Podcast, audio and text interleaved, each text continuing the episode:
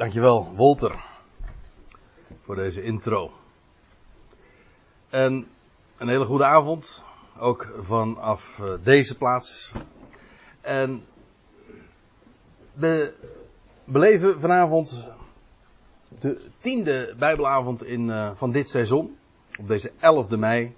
En dit is tevens ook uh, de laatste avond, kan ik inmiddels aankondigen. De vorige keer was het nog even onzeker. Maar het, het, is inderdaad de laatste avond van dit seizoen. Uh, over, uh, over deze hoofdstukken, over dit Bijbelhoofdstuk. Ik, ben namelijk benaderd door iemand in Ebenezer of de volgende avond, dat zou dan 3 juni als ik me niet vergis zijn, of, of ik dan ook hier een avond zou beleggen. want dan zou, zou, dat niet het geval zijn, dan, dan hadden zij een een invulling daarvoor. Dus ik beschouwde dat als een aanwijzing, omdat ik nog in dubio was van, nou laten we het inderdaad bij deze tien avonden houden. Dus vandaar. We zijn inmiddels al een heel eind op streek, toch wel, in het uh, 24e hoofdstuk van Matthäus. En de tweede bergreden. En we hebben inmiddels al toch heel wat ook daarbij ontdekt, denk ik zo. En uh, dat heb je als je dan inmiddels de tiende avond hebt. Ja, als je dat dan allemaal moet gaan samenvatten, dat wordt dan wel heel erg veel. Wat mij een beter idee lijkt nu, uh, net als trouwens dat ik uh, dat ook de vorige keer heb gedaan. Gewoon nog eens eventjes lezen de laatste versen die we met elkaar hebben besproken. En gewoon eens nog even aandachtig zo bekijken. Wat was het ook alweer wat we, we zagen. En, en een korte toelichting nog links en rechts zal ik daarbij doen. Maar laten we gewoon eens lezen nog wat we met name dan de laatste twee avonden hebben gezien. Overigens, misschien is dat ook nog wel even goed om dat uh, vooraf te zeggen. Uh, ik heb van, uh, van een aantal mensen vernomen die dit ook wel, niet zozeer mensen die hier dan zijn, maar die het dan via het internet dan later beluisteren, die dit ook wel heel moeilijk vinden, heftig. En ik begrijp dat heel goed. En die daarom ook wat schroom hebben om hier te zijn. Want ja, dat, het hakt er wel in als je allemaal goed uh, tot je laat doordringen. Wat er, ja, wat de wereld nog allemaal boven het hoofd hangt. De wereld, Midden-Oosten, Israël. Maar goed, ook als je dan daarbij denkt aan ja, mensen die je lief zijn. Mensen die je kent. Familieleden, kinderen. En ja, wat, wat, wat gaat er allemaal nog niet gebeuren zeg. En dat is niet leuk. Ik bedoel, als je het hebt over een, een goed bericht, een blijde tijding. Uh, je weet, hij is, hij is God, hij is de redder van alle mensen. Maar als je specifiek nu eens inzoomt op die, die overgang van deze aion naar de toekomende aion, die hele transitie. Hm? Iemand had me trouwens gezegd van dat woord moet je eigenlijk niet gebruiken, want dat is een New Age term. Toen dacht ik, oh, dan ga ik hem juist gebruiken. Want uh, als er iets is wat er, uh, wat er gaat komen, dan is het een New Age, toch? ja, dat men de term uh, voor, voor zich claimt, ja, daar heb ik niks mee te maken. Wij gebruiken hem goed, vind ik. Zij moeten aan ons vragen, mogen wij hem ook lenen van jullie? En dan zeg ik nee, maar goed, als ze dat dan toch doen, dan is dat hun probleem. Ja, we moeten wel eventjes de dingen goed in de verhouding houden. Maar goed, uh, eventjes, so, sorry, dit was eventjes een, uh, een zijpaadje. Die hele overgang van deze aion naar de toekomende aion, alles wat dat met zich meebrengt, zo heftig. Lees Matthäus 24, dit hoofdstuk. Lees het boek Openbaring. over, die, over de ruiters, over de zegels, over de bazuinen, over die schalen. Alsjeblieft zeg. Als je dan realiseert van ja, dit is realiteit. Of dit wordt binnen afzienbare tijd. Gewoon de komende decennia gaat dat zijn, beslag krijgen. Ja. En ik begrijp dus ook de schroom. Dat is geen, als ik het uh, mag, als ik dat mag zeggen. Zo zeiden we dat in Aalsmeer. Dat is geen kattenpis hoor. Wat er gaat gebeuren. Dat is echt, echt zo heftig. En daarom niets dan begrip voor uh, de schroom die mensen hebben om daar zich mee bezig te houden. En ik denk, degene die daar zo op reageren, die, die voelen in ieder geval heel goed aan hoe serieus dat is. En, en die onderkennen de ernst. We hebben het hier maar dus niet over, over schemaatjes of over een theorie. Hoe denk jij over de eindtijd en over de volgorde van de dingen? Nee, we hebben het over dingen die gewoon zeer aanstaande zijn en die, die zich zullen gaan voltrekken binnen nu en enkele jaren. Enkele decennia. Zo. En toch, wij zijn zo moedig om hier te zijn. En ik ben trouwens ook blij dat we hier in Rotterdam zijn en niet in Amsterdam, want dan ben ik bang dat het hier de zaal niet zo, vol zou zitten. Nou, de meeste mensen die snappen de grap niet eens. Dat heeft iets met voetbal te doen. Ja, dat heeft iets met voetbal te doen, ja.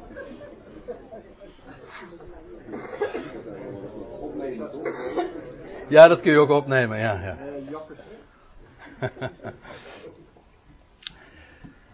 Maar ja, zulke eh, overwegingen, ja, die heb je dan ook. U bent hier in ieder geval eh, gekomen. En weet je, en dat is het geweldige, wat er ook gebeurt. En dat is zo'n rotsvaste zekerheid die we hebben in het leven. Ja, wat er ook gebeurt. Ik bedoel ook de dingen die er staan te gebeuren. Waar we het dus ook vanavond weer over gaan hebben. Maar dat geldt ook gewoon voor je persoonlijk leven. Of gewoon de dingen die je hoort en verneemt. En die je, uh, waarvan je leest in de, in, de, in de media. Wat er ook gebeurt. Er is er één die het allemaal een perfect een plaats geeft. En hij weet wat hij doet. Hij weet wat hij doet. En ja, hij heeft vrede. God heeft de vrede. En de vrede die hij heeft, de vrede van God dus. Ja, dat wordt je dan je deel. Op het moment dat je in lijn bent hè, met, uh, uh, met zijn gedachten, met zijn woord. Ja, dan ga je het ook in dat perspectief zien.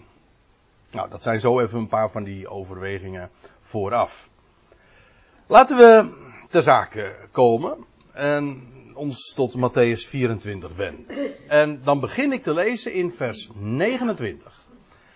Daar staat onmiddellijk echter na de verdrukking van die dagen.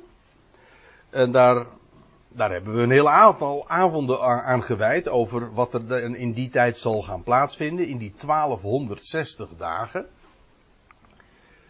Dan zal de zon verduisterd worden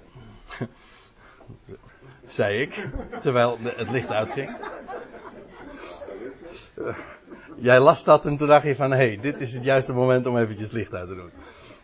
Zal de zon verduisterd worden en de maan zal het lichtschijnsel van haar niet geven. En de sterren zullen vallen vanaf de hemel en de machten van de hemelen zullen geschud worden. Na de verdrukking van die dagen, die verband houden met Israël. En dan dan zal het teken verschijnen van de zoon van de mens, de Ben Adam, in de hemel. En dan zullen heftig treuren al de stammen van het land. En ze zullen zien de zoon van de mens. Dit is dus echt een, echt een Israëlitisch gebeuren wat hier beschreven wordt. Trouwens, dat geldt voor heel Matthäus 24.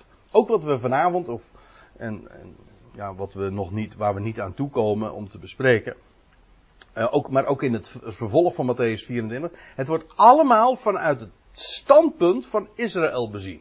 Wat bijvoorbeeld heel opmerkelijk is, er wordt eigenlijk niet of nauwelijks iets gezegd over de tijd tussen, uh, tussen het verschijnen van de zoon des mensen en het aanbreken van die zomer. Dat is nog een hele periode, dat hebben we ook gezien. Uh, ja, dan zal het evangelie van het koninkrijk gepredikt worden. Maar alle oordelen, de gerichten, die over de aarde dan vervolgens over de volkerenwereld zullen plaatsvinden, is niet het onderwerp in Matthäus 24. Dat is heel opmerkelijk. Wat wel een groot item is in het boek Openbaring, de zeven bezuinen, de zeven schalen, in Matthäus 24 speelt geen rol. Het wordt volgens mij zelfs niet eens genoemd. Afijn, dan zullen heftig treuren de stammen van het land, de stammen van Israël dus. En, ze, en zij zullen zien de zoon van de mens. Dit is in feite nog een hele intieme ontmoeting. Tussen het volk van Israël en haar eigen Messias. Die zij zullen zien als degene die zij ooit hebben doorstoken. Dat was al voorzegd door Zacharia. En ze zullen zien de zoon van de mens komende op de wolken van de hemel met macht en veel heerlijkheid. En ik heb het de vorige keer gezegd, en die keer daarvoor ook misschien al. En ik word niet moe om het te herhalen. Wij zullen daar, hoe dan ook, some way, somehow zeggen ze dan, bij zijn. Als hij verschijnt in heerlijkheid, dan zullen wij daarbij zijn. Dan zullen wij met hem in heerlijkheid verschijnen. Dus, uh, je kunt natuurlijk zeggen dat in deze avonden, dat we Matthäus 24 hebben besproken, dat het eigenlijk nauwelijks gaat over ons, maar op het moment, moment suprême, namelijk als de zoon van de mens gaat verschijnen, dan weet je, aha, daar zijn wij bij. Daar zijn wij bij. Niet hier op aarde, maar dan komen we vanaf, hè, vanaf de hemel. Zullen we met hem verschijnen. En hij, de zoon van de mens, zal de boodschappers van hem afvaardigen. Met een boodschap, maar ook om iets te gaan doen. Met groot bazuingeschal en ze zullen bijeen vergaderen de uitverkorenen van hem. Het uitverkoren volk namelijk van hem. Ook zo'n bekend thema in de profetie. Dat Israël verzameld zal worden van alle uiteinden der aarde. Eh, of zoals hier staat, vanuit de vier winden. Noord, Zuid, Oost, West. Vanaf de uiteinden van hemelen tot de andere uiteinden van hen. Leert echter van de vijgenboom de parabel. En dat is waar we de vorige keer dan toen eh, mee begonnen. De vijgenboom. En ik heb er toen al eh, aan herinnerd en ik wil het nog een keer zeggen. Het is belangrijk. De vijgenboom die juist die, die dag zo'n grote rol nog had gespeeld. Toen de Heer Jezus op weg was naar Jeruzalem. Toen hij een vijgenboom had vervloekt omdat ze geen vrucht gaf. En die toen ook ter plekke verdorde. En de volgende dag was ze helemaal droog en verdord. Van, van de wortel af staat er. Hij had wel veel blad, maar vrucht had hij niet. Maar eens, en dat is wat de Heer hier zegt, daar zit een, daar, daar, dat wat die ochtend was eh, gebeurd, daar zit een les in, een parabel, een gelijkenis. Dan zegt hij, wanneer ook maar de tak van haar sappig wordt, sappig zacht en de bladeren uitspruiten, dan weten jullie dat de zomer nabij is. Zo overwogen we zojuist ook. Het is hier nogal warm. Het is mooi weer. Dan zeggen we, de zomer, hij komt eraan. Ja, precies. Maar als je, als je dat, die, die, dat fenomeen ziet van de, de vijgenboom die, die gaat tot bloei gaat komen, of nou nee, niet tot bloei, als, als de, de bladeren uitspruiten, dan weten jullie dat de zomer nabij is. En die zomer, ja, dat is, dat is het einde van die aion. Want als Israël onderworpen zal zijn en verzameld zal zijn in het land, ja, dan gaat vervolgens het evangelie van het koninkrijk gepredikt worden over de hele, over de hele aarde, in de hele bewoonde wereld. En dan, als dat gebeurd zal zijn, dan zal het einde komen. Nou, zo ook wanneer ook maar jullie al deze dingen vernemen, weten jullie dat het nabij is. Voor de deuren. Meervoud. En dan ook.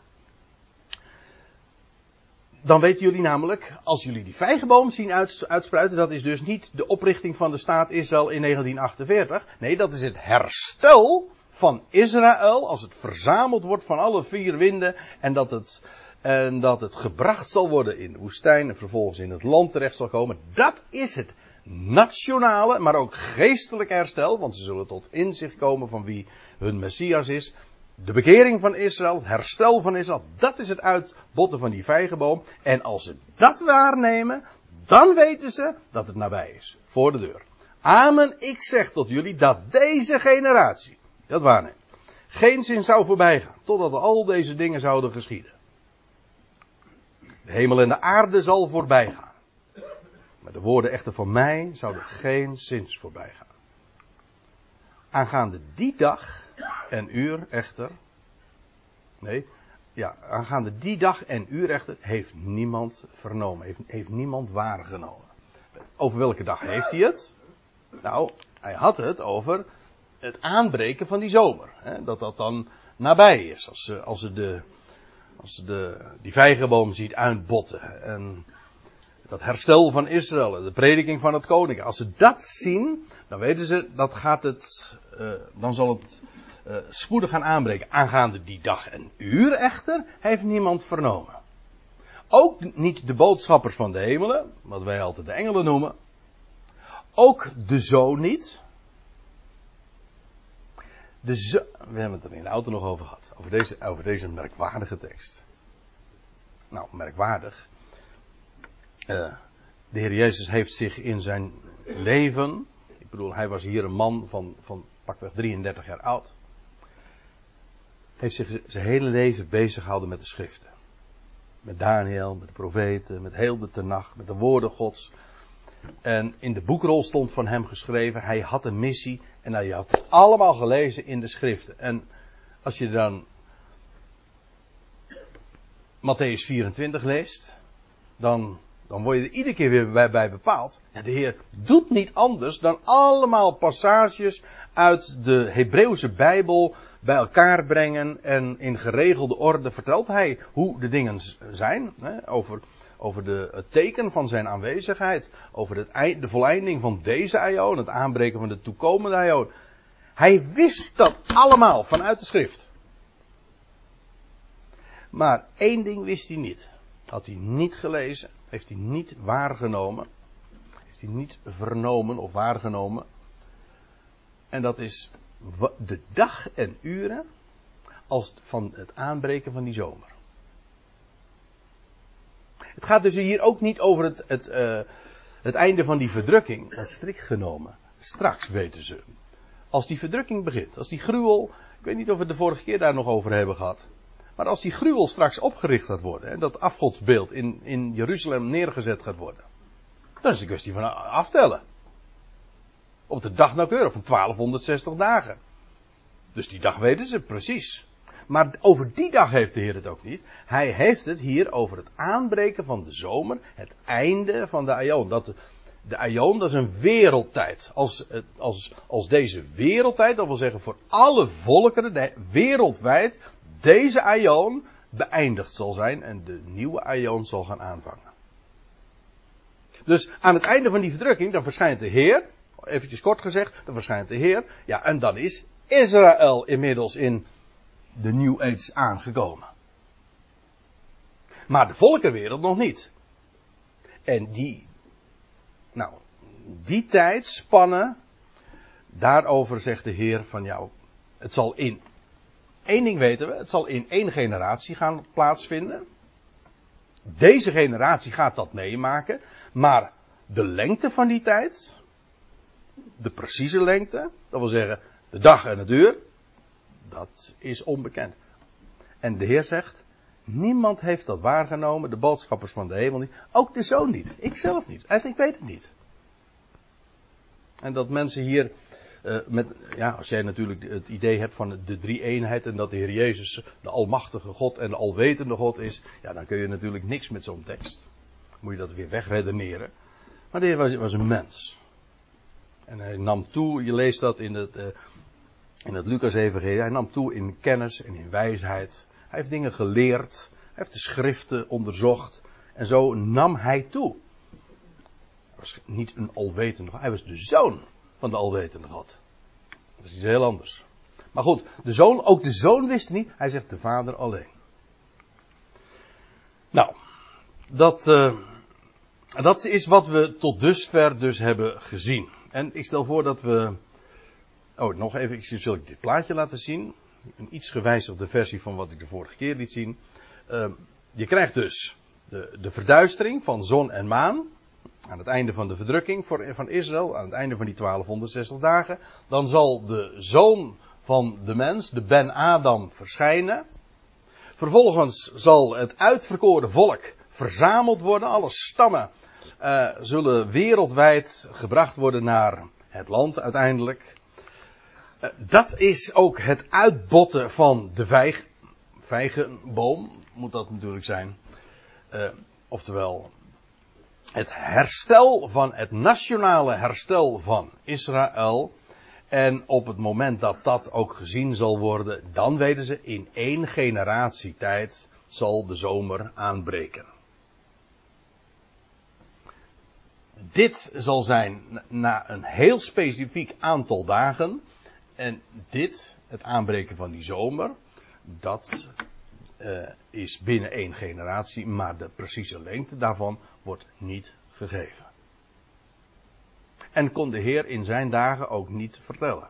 Ook de zoon weet dat niet. Dus bij alles wat hij dus naar voren brengt, vanaf, vanaf de olijfberg, daarvan zegt hij, dat is iets wat ik niet heb waargenomen. Letterlijk zegt hij, ik heb het niet waargenomen. Ik heb het niet gelezen in de schrift. Dan eindigt de bedeling van genade opgeschreven. die dan pas uh, het aanbreken van de zomer. Dan pas is natuurlijk deze de, ja, ik, de bedeling van genade zou ik het niet willen noemen.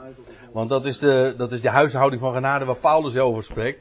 Dat is van een andere orde. Maar deze aion, op, op het moment dat de zomer aanbreekt. En dus alle volkeren inmiddels ook in kennis gebracht zijn met, de, met het evangelie van het koninkrijk. Een nieuwe aion aanbreekt. Uh, ja, dan is, dat is de voleinding van de aion. In feite hier dus nog niet. Hier is Israël, zeg maar, in het vrederijk gekomen, onder de heerschappij van de Messias gekomen. Maar nog niet de volkerenwereld. En dat is waar het hier over gaat. Nou, over dat onderscheid, ik denk dat dat ook wel een beetje als een rode draad door alle avonden nu deze tien avonden gelopen heeft. En ik, heb daar nogal eens uh, grote nadruk op gelegd, omdat dat iets is waar je voortdurend op stuit. En het onderkennen ervan is ook van groot belang, als u het mij vraagt. Ik hoop inmiddels uh, dat u dat ook wel in zult zien.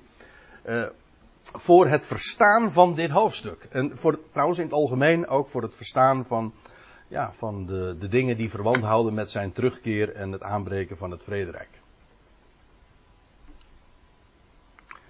Want, we beginnen nu te lezen in vers 37. Misschien dat we ook wat kunnen voortgaan meters kunnen afleggen.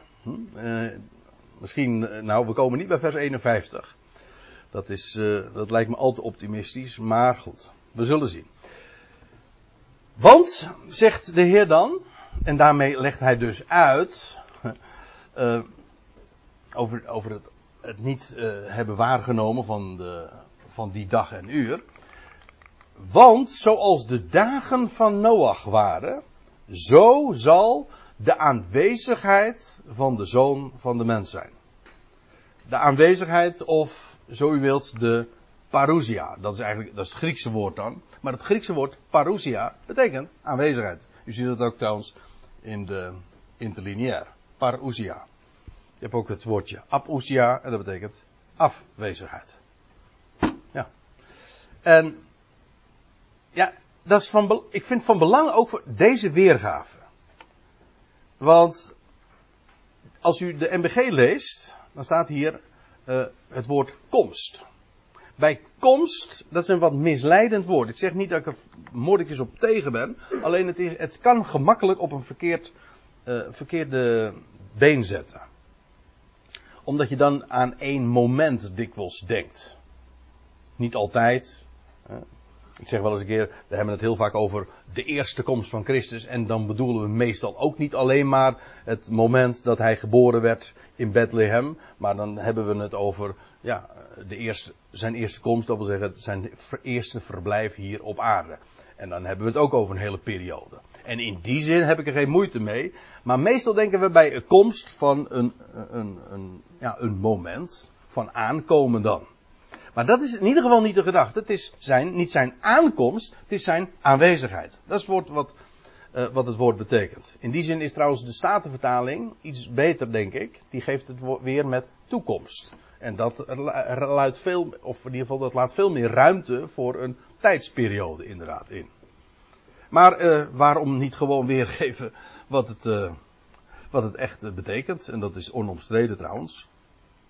En trouwens, in dit geval is het ook heel logisch, want de Heer maakt een vergelijking. Zoals de dagen van Noach waren, de, de, dagen dus dat Noach hier op aarde was, dat was trouwens echt een hele lange periode. Maar goed, je zou, misschien is dat dan niet ineens zozeer het hele leven van Noach, maar meer de dagen dat hij ook eh, predikte aan de wereld, de ark in gereedheid bracht En de dagen dat de zondvloed over deze aarde ging, dat waren de dagen van Noach. Wel, zoals de dagen van Noach waren, zo zal de aanwezigheid van de zoon van de mens zijn. Dat is een periode. De, de zoon van de mens zal dan namelijk al aanwezig zijn op aarde. Hij zal namelijk zijn zetel hebben ingenomen in Jeruzalem. De wereld is nog niet onderworpen, maar het evangelie van het koninkrijk gaat wel wereldwijd dan. Er gaan ook gerichten over de aarde. Dat is, zoals gezegd, niet zozeer het onderwerp van Matthäus 24, maar niettemin. Het is de periode dat de vijgenboom aan het uitbotten is, maar de zomer nog niet is aangebroken. Wel, zoals de dagen van Noach waren, zo zal de aanwezigheid van de zoon van de mens zijn. De Ben Adam. Want, en dan gaat hij het uitleggen, zoals zij waren, in de dagen voor de overstroming, de zondvloed, meestal genoemd. Weet trouwens, het woordje zondvloed, misschien wel even aardig om te vermelden. Je zou denken van, oh dat zal wel te maken hebben met zond, zonde, vloed vanwege de zonde van de maar dat is niet waar. Het woord zondvloed, is oud-Nederlands, en dat woord zond betekent een grote.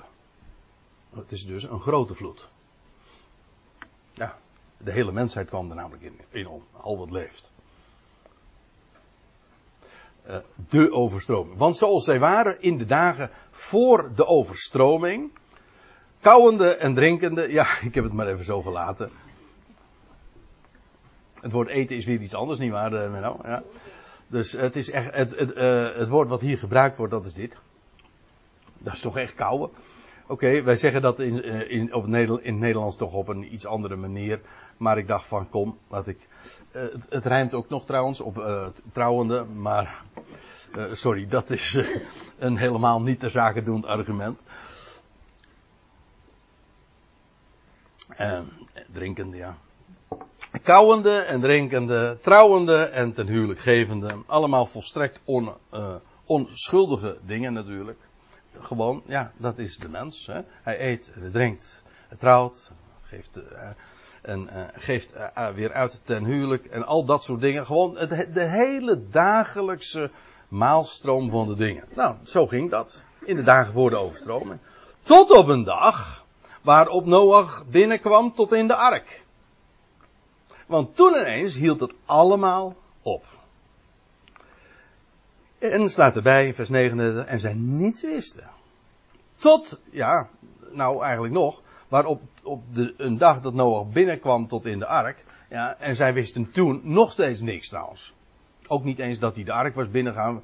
Dat valt niet erg op. Hm, die man, ze hadden toch uh, al geen aandacht gegeven aan wat hij verteld had. Dus uh, die man die staat daar, uh, die zit daar midden op het droge een gigantische boot te, te bouwen. Die is gek. Hm? Maar goed, ze, ze, hebben niets daar, zij wisten niks. Totdat de overstroming kwam. En allen wegnam. Ja, over, over heftige dingen gesproken.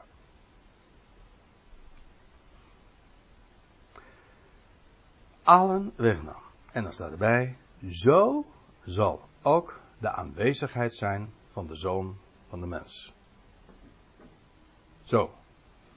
Dus Tijdens de aanwezigheid van de Ben Adam zal er een wegneming zijn, zoals in de dagen van Noach. Ik lees nog eventjes verder. Nou, dat zeg ik. Uh, over dat, wegnemen, dat, dat wegnemen, want dat is eigenlijk wel uh, essentieel. In de dagen van de zoon van de mens zal er uiteindelijk want daarin resulteert dat, zoals de dagen van Noach eindigden in de overstroming, zo zullen de dagen van de, de aanwezigheid van de zoon van de mens eindigen ja, in het wegnemen van. En nou moeten we eventjes terug gaan bladeren naar uh, Matthäus 13. En daar in Matthäus 13 daar vind je een, een, een zevental gelijkenissen. Allemaal over het koninkrijk van de hemel. Dat is geen koninkrijk in de hemel. Ook niet zoals de. Hoe heet die vertaling ook weer van de Rooms-Katholieken in uh, Nederlands? Hè? De Willebrood, ja, de Canisius, ja. Uh, die, die, vertalen dat geloof ik met het, het hemelrijk.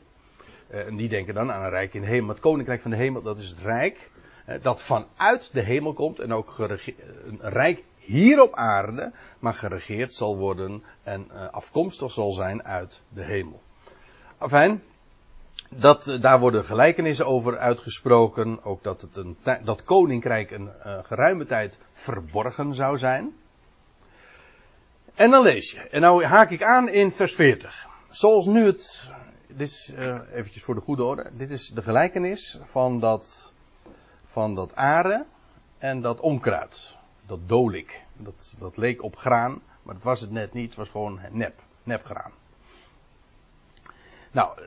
Maar er komt een moment. Dat van de oogst. En dan staat er zoals nu het onkruid verzameld wordt. En met vuur verbrandt. Zo gaat dat hè want onkruid, daar heb je niks aan, dat wordt verbrand. Zo zal het gaan, en nou komt het, in de voleinding van de aion. Exact dezelfde term, die, die ook in Matthäus 24 gebezigd wordt. De voleinding, einde van deze aion. En wat gebeurt er dan? De zoon van de mens, heb je het weer, zal zijn engelen, zijn boodschappers uitzenden. En zij zullen uit zijn koninkrijk verzamelen al de valstrikken en hen die de wetteloosheid bedrijven. En ze zullen hen in de vurige oven werpen. En daar zal het geween zijn en het tandige knas. Dan zullen de rechtvaardigen stralen als de zon in het koninkrijk van hun vader. Als je, als je natuurlijk geen, geen zicht hebt op op het evangelie en over wie God is en hoe hij alle dingen tot een goed einde gaat brengen, dan kun je dit misschien uh, niet met droge ogen lezen. En, uh, maar goed, wij, wij weten, daar ga ik even gemakshalve vanuit, uh, hoe het zit. Hè? We, we, weten dat God in fases alles uitwerkt en zijn heilsplan en alles omvattend is. Maar we hebben het nu ook niet over de voleinding van de eeuwen en, en als alle wereldtijdperken tot, tot, uh, tot een afsluiting zullen komen. We hebben het nu over de voleinding van deze aion, wanneer er dus een nieuwe aion gaat aanbreken. En wat gebeurt er dan? Wel, in die voleinding, dan zullen de, zullen zij, dan zal de, de valstrikken, de wetteloosheid, die de wetteloosheid bedrijven, zullen uit het koninkrijk worden verzameld. Kijk, dat koninkrijk wordt op aarde gevestigd. En alle elementen die daar niet in thuis horen, die worden verwijderd. En zoals dat gaat met onkruid, dat wordt verbrand. En, uh, in de vurige oven geworpen. Nou, en wat, en wat blijft er dan over? Nou, zoals dat in vers 43 staat. Dan zullen de rechtvaardigen stralen als de zon, als de zon in het koninkrijk van hun vader. Het koninkrijk zal dan op aarde gevestigd zijn. Alle elementen die daar niet in thuis horen, zullen eruit verwijderd zijn. Heeft dat ook te maken met de rechtvaardige joden die in het boek des levens staan? Nou, nou, niet alleen over de Joden. Het gaat over de voleinding van de Aion, waarbij heel de wereld. We zullen dat trouwens. Ja, maar dat koninkrijk. Ja, maar het koninkrijk wordt. Ja, maar het gaat niet alleen over Joden. Het gaat, uh, het gaat over, hij gaat zijn koninkrijk wereldwijd uh, vestigen. En aan de, bij de, in de voleinding van de Aion. Dan zal het koninkrijk ook, we hebben dat trouwens de vorige keer ook in openbaring 11 gezien, als deze aion beëindigd wordt, eh, dan zal het koninkrijk wereldwijd, dat wil zeggen over alle volkeren zijn gevestigd. Dus de voleinding van de aion valt samen. Ik heb er inmiddels, uh, ja, ik heb er al diverse schriftplaatsen daar ook voor aangereikt. De voleinding van de aion valt samen met de vestiging van het koninkrijk wereldwijd. En alles wat daar niet in thuis hoort, wordt verwijderd. En ik zal nog een voorbeeld geven, want uit, uh, uit die gelijkenissen. Dan zegt de Heer in vers 47 van Matthäus 13: Evenzo is het koninkrijk van de hemelen gelijk aan een sleepnet. Een andere vergelijking. Niet een vergelijking met een, met een, uh, met een oogst. Nee, nu wordt het vergeleken met een sleepnet. Daar zit heel veel aan vast. Veel meer dan ik nu vanavond even zo kan aanstippen. Dat gaat me eventjes over wat er gezegd wordt met het oog op die voleinding van de eon. Dan staat dan dit. Uh, het koninkrijk van de hemel is gelijk aan een sleepnet, neergelaten in de zee, dat allerlei bijeenbrengt. Ja, en wanneer het vol is, dan haalt men het op de oever. Waar trouwens ook het zand der zee is. Wat ook trouwens weer, dat is wel weer een beeld ook van Israël. Maar goed, dan haalt men het uh, uh, op de oever. En, dan zet, uh, en zet zich neer en verzamelt het goede in vaten. Maar het ondeugdelijke werpt men weg. Ja, wat doe je, wat doe je als visser? Alleen vis is interessant. En als het schoenen en plastic. weet je wat voor troep het ook is. Weet je wel, dat. Weg, weg ermee. Het is allemaal troep, heb je niet nodig. Het, maar wat gebeurt er? Het goede wordt verzameld. En dat andere, dat ondeugdelijke, wordt weggeworpen. Zo, let op, eigenlijk hetzelfde gedachte als wat ik zojuist las uit die andere gelijkenis. Zo zal het gaan in de voleinding van de Aion. Engelen zullen uitgaan om de boze uit het midden van de rechtvaardigen af te zonderen. Niet, lees u wat hier staat? Niet, niet de rechtvaardigen worden afgezonderd uit het midden van de, onrecht, uit het midden van de onrechtvaardigen. Nee, die rechtvaardigen worden gewoon gelaten. Die gaan namelijk die blijven in dat koninkrijk. Die blijven op aarde. Die gaan die nieuwe Aion hier op aarde beleven. En de rest ja, wordt verwijderd en komt om. Net als in de dagen van Noach. Noach en de zijnen, die bleven over. En die gingen de, de New Age in. Hè? Ja, toen brak er ook een nieuwe Aion aan trouwens een heel nieuw wereldtijdperk. En, en de rest ja, was omgekomen, was weggenomen. Die, zou, die, die bleef niet op aarde. En dat is, zo zal het gaan in de voleinding van de eeuw. Wat nu vooral mijn punt is, is dat we het nu hebben, dus en in Matthäus 24 en in Matthäus 13. Het gaat over aanbreken van de zomer, oftewel de voleinding van deze eeuw. Als het koninkrijk wereldwijd gevestigd zal zijn. Wat gebeurt er dan? De rechtvaardigen zullen blijven, overblijven, zoals in de dagen van Noach. En de rest zal worden weggenomen, zal worden uit, uh, hoe staat het hier, uit het midden van de rechtvaardigen worden afgezonderd, of hoe lazen we het elders, zullen uit zijn koninkrijk verzameld worden. Waarom? Om, om verwijderd te worden. Die gaan dus, die nieuwe Aion, dat, weer, dat koninkrijk dat hier op aarde gevestigd wordt, zal worden, zullen ze dat niet meemaken. En komen om en sterven dus en zijn dan dood. Waarna natuurlijk, uh, dat is niet het einde, daar gaat het nu even niet om. Ik ga, ik ga er eigenlijk ook uh, gemakshalve van uit dat we dat weten. Je moet eerst het evangelie natuurlijk wel kennen. Om deze dingen te lezen. Dat is misschien wel belangrijk om dat even, toch even bij, bij te zeggen. Je moet eerst het evangelie kennen. Zeker ook wij, wij, ik bedoel, we houden ons nu ook tien avonden lang bezig met het Matthäus-evangelie, wat, waarin de Heer zich richt tot Israël. Eigenlijk ook uh, dingen die niet direct aan ons gericht zijn.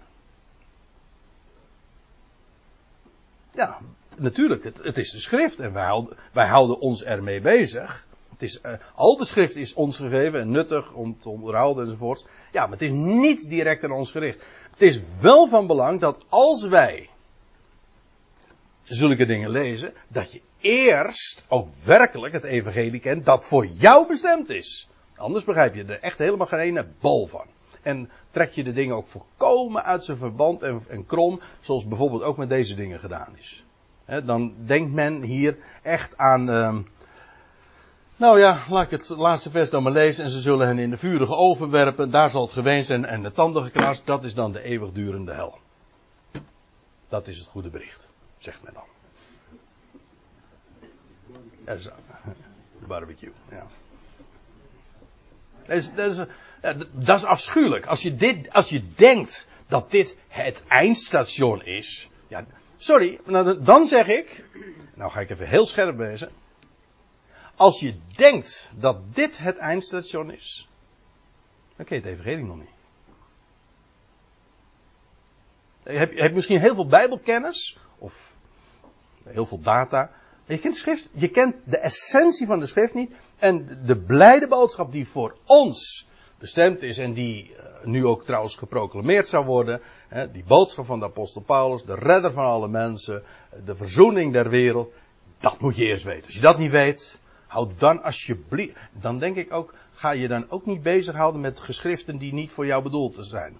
Ga je eerst dan maar, dan moet je eerst nog eens eventjes uh, je huiswerk overdoen. Hè? We beginnen eerst dan nog eens een keer bij hoofdstuk 1. Als je dat niet kent, dan is het gewoon ongepast om andere dingen mee tot je te nemen. Dit is uiteraard, zou ik haar zeggen, niet het einde. Het echte einde. Het is het einde van de Aion. Ja, maar als je denkt dat dit een eeuwigheid is, ja, dan ben je dus verblind. Dan snap je het evangelie niet. Kun je gewoon het evangelie niet snappen. Ja. Ja, dat moet ik toch, dat moet ik erbij zeggen. Hè? Ja. Dat is een bijsluiter, ja. Nou, nou, nou pas uh, snap ik hem. Dat is de bijsluiter, ja.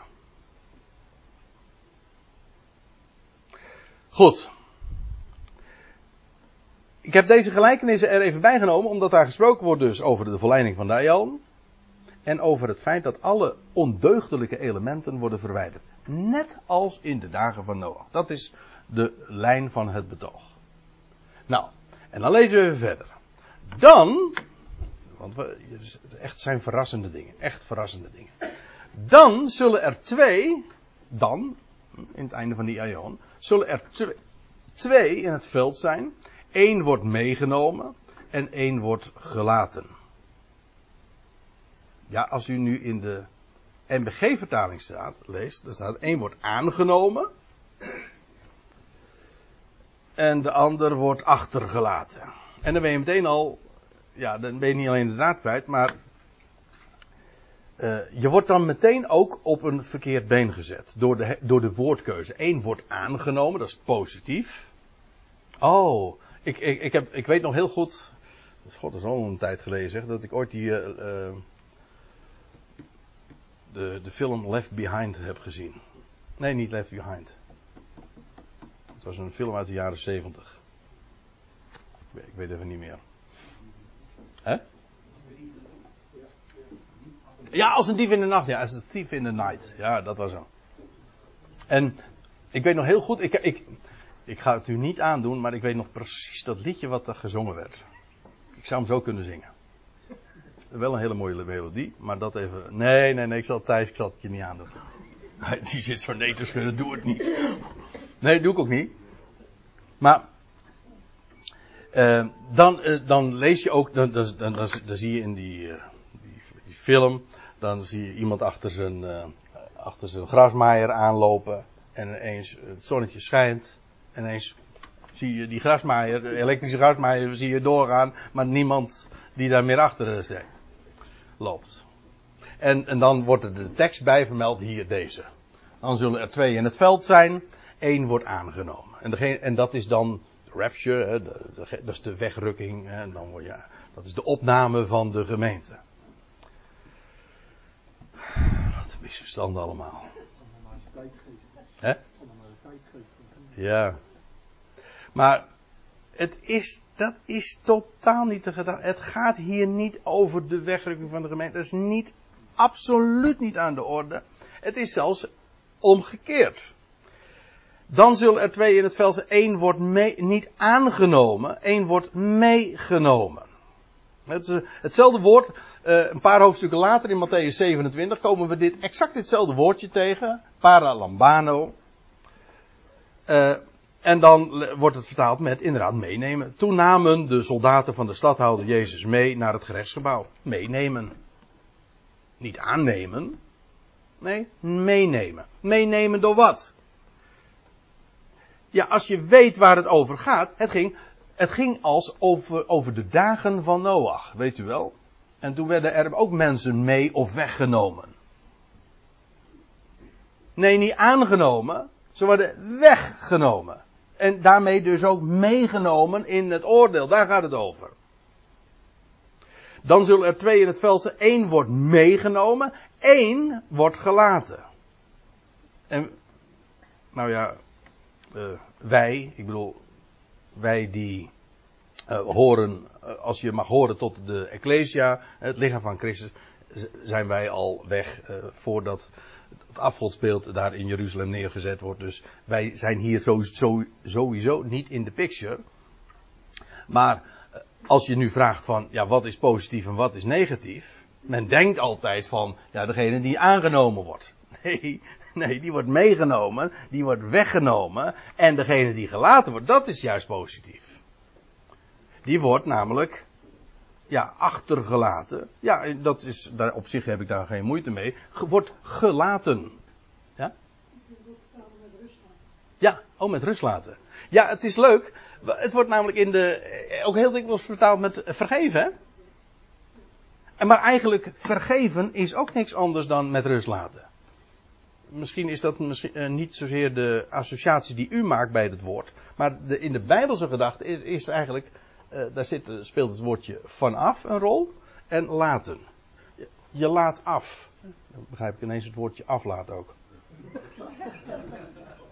Nou ja, nee, dat, dat zeg ik niet dat, ja, ik, dat zeg ik niet als grapje. Ik moet wel op het juiste moment lachen, Reinier. Het in mijn. Nee, dat, dat is met rust gelaten worden. Het, iets wordt je niet aangerekend, je wordt gelaten. Met rust gelaten. De, wel, het, bij in het einde van de aion. Hm? Zoals in de dagen van Noach, toen de vloed kwam en allen wegnam. Wel, dan zullen er twee in het veld zijn. Eén wordt meegenomen. En één wordt meegenomen en één wordt gelaten. Achtergaan, met rust gelaten. En die gaat, die blijft hier op aarde achter. Namelijk om de nieuwe Aion mee te maken. Dat, die, die hier gelaten wordt, dat is om even in de termen van de dagen van Noach te spreken, dat zijn degenen die in de ark zaten. Die werden gelaten, die gingen zo de nieuwe wereld binnen. Hè? Omdat? Het dat zullen niet heel even. Ja, over aantallen heb ik uh, het niet. Ja, dat is een goeie. Hoeveel zullen dat er zijn? Kijk, dus hier ook niet het onderwerp, dus ik heb, daar kan ik me nu gemakkelijk van afmaken. Ja. Ja, ja, ja, ja. Maar vergis je niet, eh, vergis je niet, uh, in verband met de verzameling van Israël, ook als je er enorme, uh, dat, ik bedoel, er zullen er velen, uh, een, een, enorme slachting plaatsvinden. En toch lees je over een, als dat verzameld is, over een, een grote drom van mensen, een grote schare ook, die verzameld zal worden. En, en ook dan zal het evangelie van het koninkrijk over de hele wereld gepredikt worden. Ja, natuurlijk niet voor noppers. Dat, dat zal een oogst met zich meebrengen. En eh, hoe die verhoudingen zullen zijn van wie worden meegenomen in het oordeel en wie zullen achtergelaten worden. Kijk, als je natuurlijk denkt in de termen, of als je het even helemaal zo vergelijkt met de dagen van Noach, dan kan ik me voorstellen dat je het zo op zegt van nou, dat zullen er niet veel zijn. Hm? Ja, precies, ja. Dat, hier, in, dat is, lijkt me een hele veilige, dat lijkt me een hele veilige aanknopingspunt. Want zoals de Heer het hier neerzet, is het inderdaad 50-50. Eén wordt gelaten, één wordt, één wordt meegenomen het oordeel. En één wordt gelaten en gaat inderdaad de nieuwe Aion in. Of twee vrouwen zijn aan het malen. ja, toen ik dat bezig mee was, was oh oh, hoe zeg ik dat nou netjes hè? twee vrouwen zijn aan het malen. Daar maalt toch niemand om, hè? ja, in de molensteen. Nee, niet, ze worden niet gemalen. Trouwens, in de actieve, niet passief. Ze, worden, ze worden niet gemalen in de molensteen. Ze zijn aan het malen. Ja, ja. Ja, nee, ik heb het expres weergegeven. Uh, zoals het uh, ook in de, uh, in, in de grondtekst staat. Hè? U ziet er, eh, twee vrouwen malende in de molensteen. Zie je? In de molensteen. Ja.